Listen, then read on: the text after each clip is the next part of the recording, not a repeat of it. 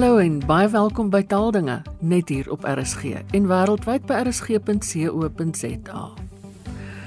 By koerant het iemand onlangs gekla oor 'n verouderde uitdrukking wat 'n verslaggewer gebruik het. Nou wat behoort 'n koerant in so 'n geval te doen? Die redakteur van die koerant het geantwoord dat haar blad nie die taalvermoë van sy lesers onderskat nie en dus nie minder bekende idiome vervang nie. Meestal kan die betekenis van 'n idioom uit die konteks afgelei word. As dit nie die geval is nie, kan so 'n uitdrukking tog maklik genoeg nageslaan word.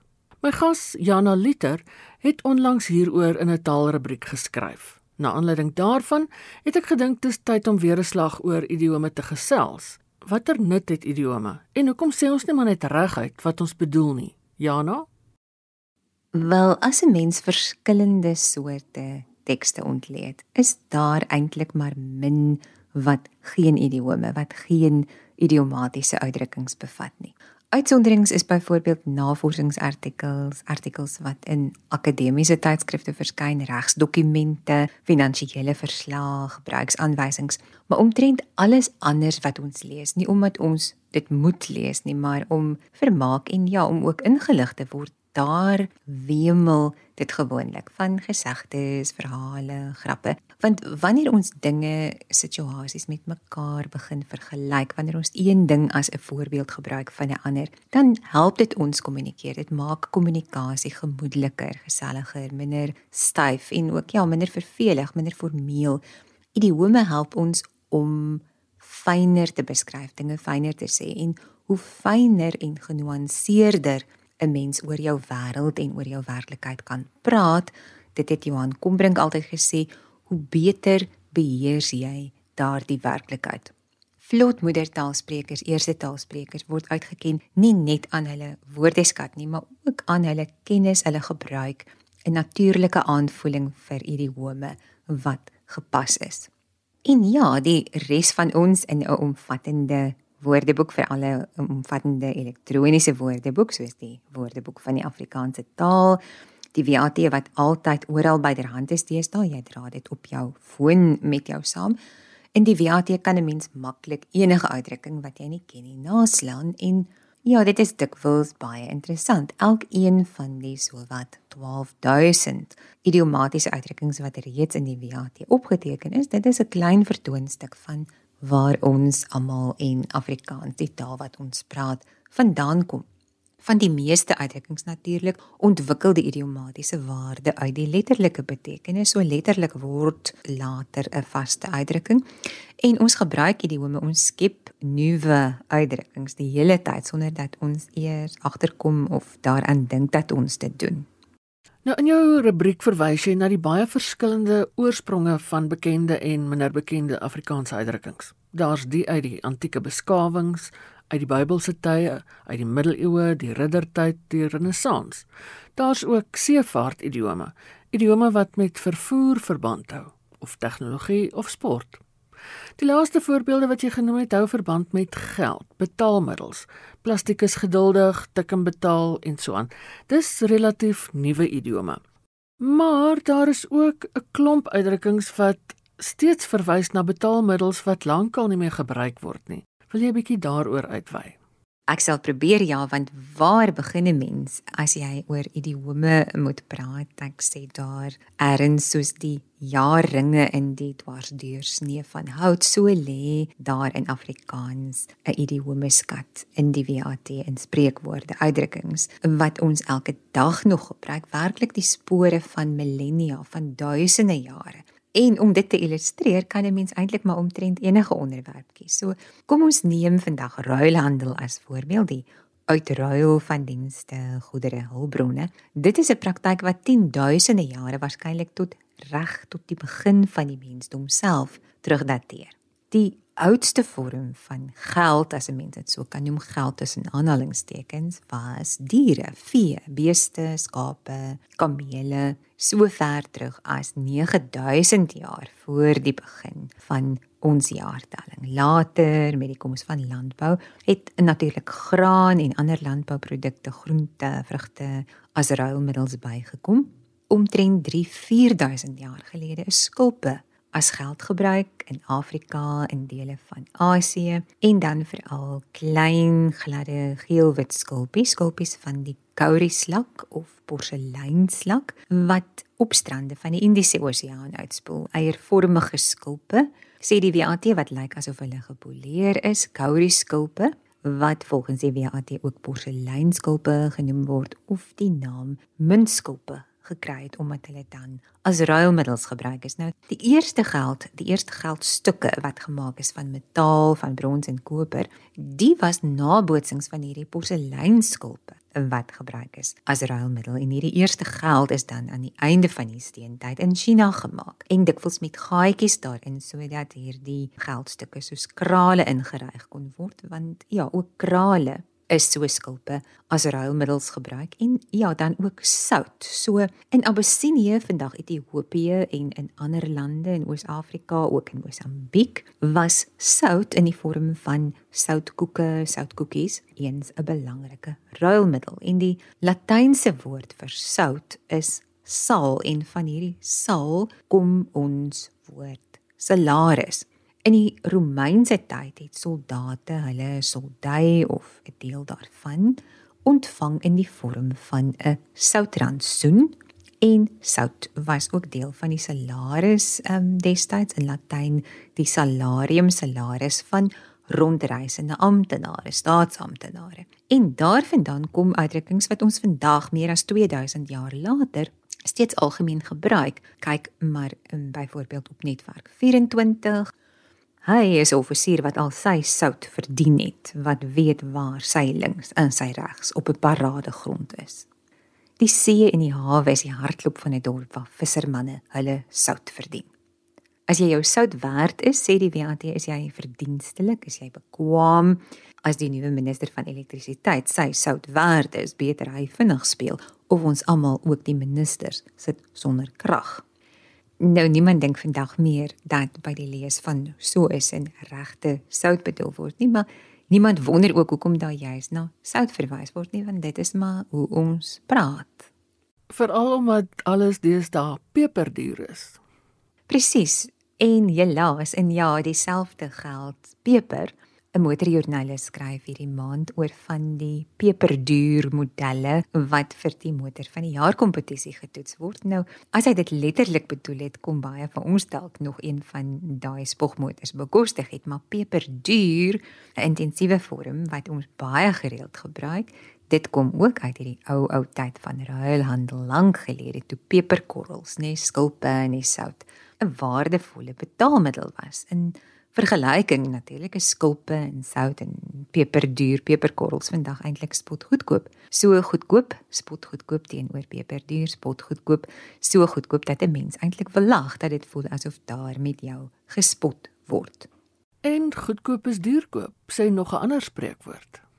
Ja, met die bedoeling dat iets wat spot goedkoop is en dikwels ook van minderwaardige gehalte is, maar dit is darm nie altyd die geval nie. Soms is daar wel nog 'n winskoop te vind, iets waardevols wat jy vir 'n appel en 'n ei in die hande kry. So gee tydskrif byvoorbeeld 'n groot maat resep vir tamatiebladjang vir wanneer jy sonryp tamaties vir 'n appel en 'n ei by die groentewinkel kan kry. Skryf die kosredakteur. Maar niemand dink natuurlik werklik dan dat jy daar op die groentewinkel se toonbank appels gaan neersit en dan tomaties in ruil vir jou appels gaan kry nie. En die ei by die appel is natuurlik 'n eier, né? Dis reg, ja, 'n mens sien deesdae partykeer ook ui, miskien omdat ons nie meer die Nederlands ken, verstaan nie of dalk omdat ons die ei wat 'n eier is, verkeerd hoor as ui die groente want die uitspraak nê ei en ui die lê soms redelik na aan mekaar veral in sommige dele van die land. Ja, nou maar hoekom juist die twee? Waar kom die appel en die eier vandaan?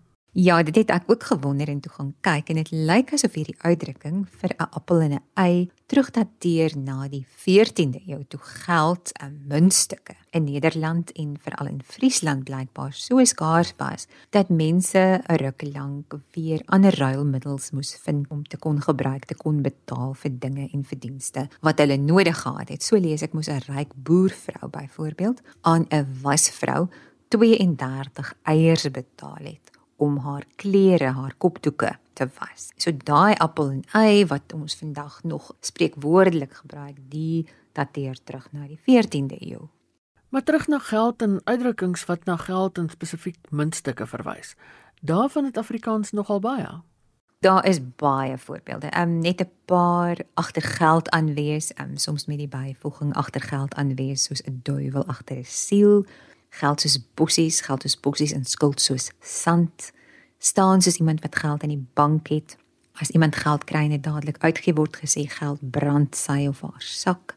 Geld groei nie op my rug nie. Dit sê jy as iemand van jou geld wil hê of jou geld mors geld in die water gooi, dit bestee aan roekelose dwaase ondernemings, dalk soos die Ponzi skemas waarvan ons deesdae weer lees Ponzi, 'n Italiaans gebore swendelaar skurk, um, ene Charles Ponzi wat in die 1920s in Amerika en in Kanada mense uit miljoene dollar verkil het deur aan hulle binne maande 50 tot 100% wins op hulle beleggings te beloof. So ja, 100 jaar later en mense laat hulle steeds en maar weer deur sulke woekeraars, sulke skelms aan die neus lê in die hoop dalk dat geld wat stom is sal regmaak wat krom is. Daar's ook 'n ouer vorm geld wat geel is maak reg wat skeel is, waarskynlik met verwysing na goud. Maar ja, so buite China is die eerste werklike muntstukke omtrent 2500 jaar gelede gemaak in Lydia, antieke koninkryk in 'n gebied wat vandag deel is van Turkye Aanvanklik is klontjies silwer gebruik en daarna in die Griekse, Persiese, Macedoniese ryke en later veral in die Romeinse ryk is hierdie tegniek van munte maak, eh, munte slaan, verfyn. Die woord munt en ook die Engelse money, dit kom van 'n Latynse woord moneta en hierdie moneta het verwys na die tempel van die Romeinse godin Juno van wie Moneta een van verskillende byname was. So Juno was die beskermgodin van Rome en in haar tempel, die tempel van Juno Moneta, is kosbare metaal bewaar, goud, silwer. En daar is die eerste Romeinse munte gemaak of geslaan of as werkwoord gemunt. En figuurlik kan 'n mens vandag natuurlik ook woorde, muntterme, uitdrukkings, munt idiome munt. As 'n mens munt slaan uit iets dan trek jy voordeel daaruit. Nou, in die 19de eeu toe papiergeld algemeen in omloop gekom het, het die betekenis van die Engelse woord money uitgebrei om ook banknote in te sluit, maar in Afrikaans het munt beperk gebly tot sy oorspronklike betekenisse en as selfstandige naamwoord is daar dan 3. In Afrikaans kan munt verwys na 'n muntstuk. Dit is ook die woord wat ons gebruik vir die plek of die instelling waar muntstukke gemunt word, die munt in Pretoria en ons gebruik munt ook om te verwys na die muntkant van 'n muntstuk. um, Munt teenoor kruis soos in die uitdrukking kruis of munt wanneer mense 'n geldstuk in die lug opgooi en dan 'n besluit laat afhang van kant of die sy waarop dit land. Ja, ek raak altyd bietjie te mekaar met kruis of munt. Hoe weet 'n mens nou watter kant is watter kant? En is dit dan nou verkeerd om te sê of anglisisties om eerder te sê kop of stert? Ja, ek moet sê ek moet ook altyd eers 'n bietjie daaroor dink. Nou in die numismatiek, numismatiek of die muntkunde, die wetenskap wat hom met die studie van munte besig hou, is die keersy, die rug of die agterkant, ook genoem die muntkant van 'n munt. Dit is die kant waarop die ruilwaarde aangedui word, gewoonlik saam met een of ander simboliese voorstelling. So op die muntkant van ons R5 stuk byvoorbeeld, die stertkant, is daar 'n afbeelding van 'n swart willebees, die syfer 5 en die woord rand. Op die ander kant, die voorsy, die voorkant of die kruiskant, daarop is daar gewoonlik iemand se kop of die een of ander wapen te sien. So op ons R5 stuk is daar 'n afbeelding van die landswapen met om die rand in meer as een amptelike taal die woord Suid-Afrika. Dit is die kopkant. Muntstukke met die kop van Nelson Mandela word informeel soms randelas genoem en ja banknote soms madibas hoor ek. Wat mense die mekaar maak is natuurlik die kruis en waar kom hierdie kruis vandaan? In die middeleeue was daar op die voorkant van byna alle muntstukke in plaas van iemand se kop of 'n landswapen 'n kruis te sien. Kruis of munt is 'n uitdrukking wat reeds in die middeleeue gebruik is dan veral by dobbelspeletjies. En ja, nee, ek dink nie Engels het alleen reg op kop of stert nie. Dis net 'n informele manier om kruis of munt te sê. Ek sien terloops in die WAT vir kruis of munt, kop of stert ook jantjie of waantjie, jantjie of waantjie na die ou 1 sent muntstuk met aan die kruiskant die kop van Jan van Riebeeck en aan die muntkant 'n ossewa.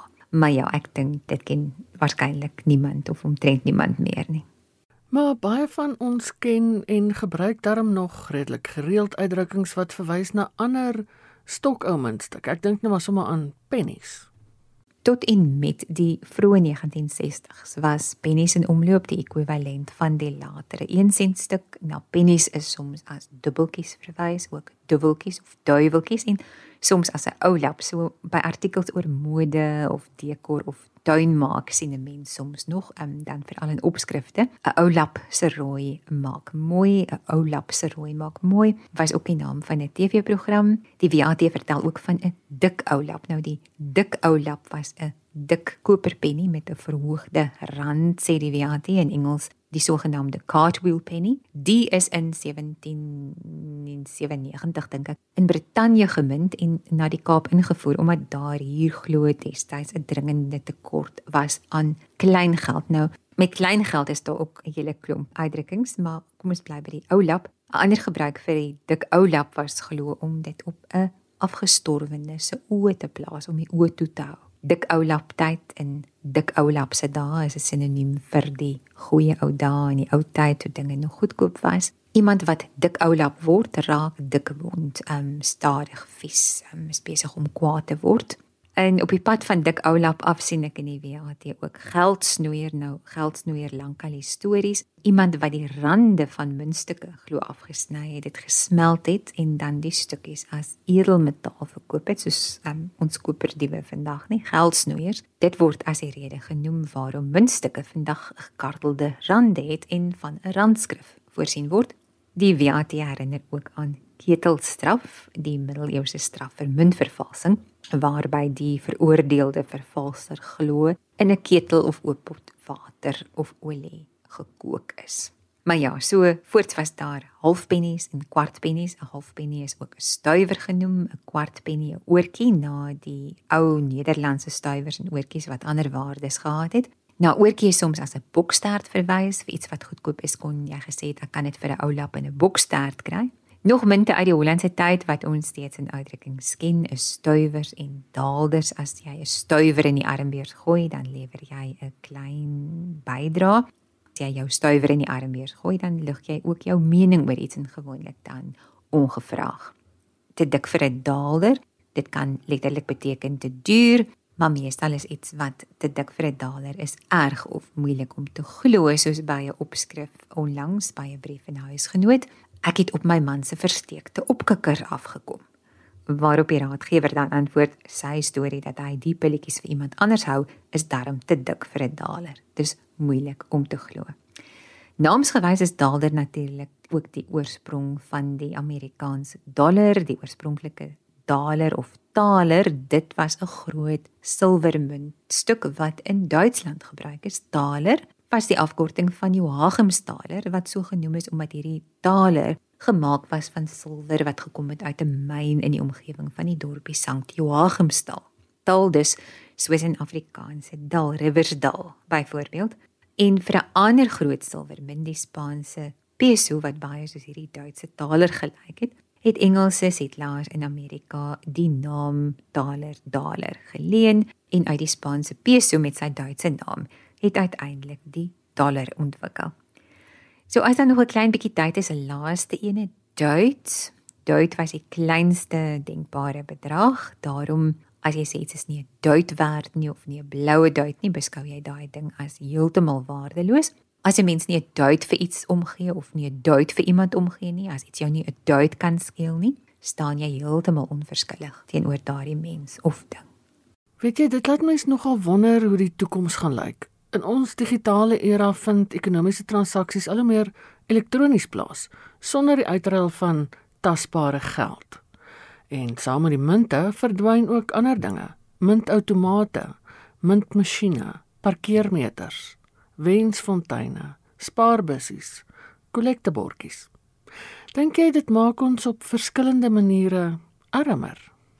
Ja, dit maak 'n mens tog 'n bietjie nostalgies, nê, nee, soos Lurika Raag wat sing van die tyd toe ek nog vir jou met 'n tikkie kon bel lang tikkies, muntstukke of metaalplaatjies waarom daar 'n gare draad gebind is voordat dit in die glo van 'n tikkie boks gegooi is, sodat die beller dit dan weer boontoe kon trek, dieselfde muntes weer en weer kon gebruik om 'n oproep te laat aanhou sonder dat jy daarvoor hoef te betaal. Maar ja, die noem van dinge wat nostalgies maak vir klappe mense seker ook jou ouderdom, nê. Nee heimwee oor die afwesigheid daar van daardie klinkende klank van geldbeursies, broeksakke, spaarvarkies. Maar ons leef in 'n fascinerende tyd. Kenners is dit eens lyk like dit vir my dat kontant nie binnekort gaan verdwyn in elk geval nie by ons met beerdkrag nie. Maar ja, ons raak toenemend sku vir harde kontant vir klinkende munt. Al hoe meer van ons verkies dit om te tik en betaal. Slimfone word e-beursies. In die verlede is goud en silwer gemyn, vandag myn kriptominers blokke vir blokkettings vir transaksies met kriptogeld. Ek lees in beeld dat gesteelde selfone deesdae algemeen as 'n ruilmiddel in dwelmtransaksies gebruik word. So ja, saam met al hierdie nuwe betaalmiddels, nuwe maniere van betaal, word ou uitdrukkings aangevul met nuwe uitdrukkings. Ou uitdrukkings word geleidelik verdring deur die wis vervang of ons die meeste van hierdie nuwe nodige uitdrukkings by Engels gaan leen en of ons self ook in Afrikaans nuwe uitdrukkings vir hierdie nuwe tyd gaan munt. Nou ja, dit moet ons nog maar sien. Dit was Jana Luther van die WAT. En dit het my net weer bewus gemaak van die skatte wat in Afrikaans voorkom en wat gelukkig tog in die Woordeboek van die Afrikaanse taal bewaar word. Jy kan weer na die program luister deur die potgooi af te laai by rsg.co.za. En van skatte gepraat, RSG se webwerf bied ook 'n hele skatkis van potgooi aan net vir jou. Dis dan al vir vandag. Stuur gerus jou taalnavrae na ina@rsg.co.za. Ek hoor graag van jou. Geniet die res van die dag in RSG se geselskap. Bly veilig, bly gesond en van my Ina Strydom groete. Tot 'n volgende keer.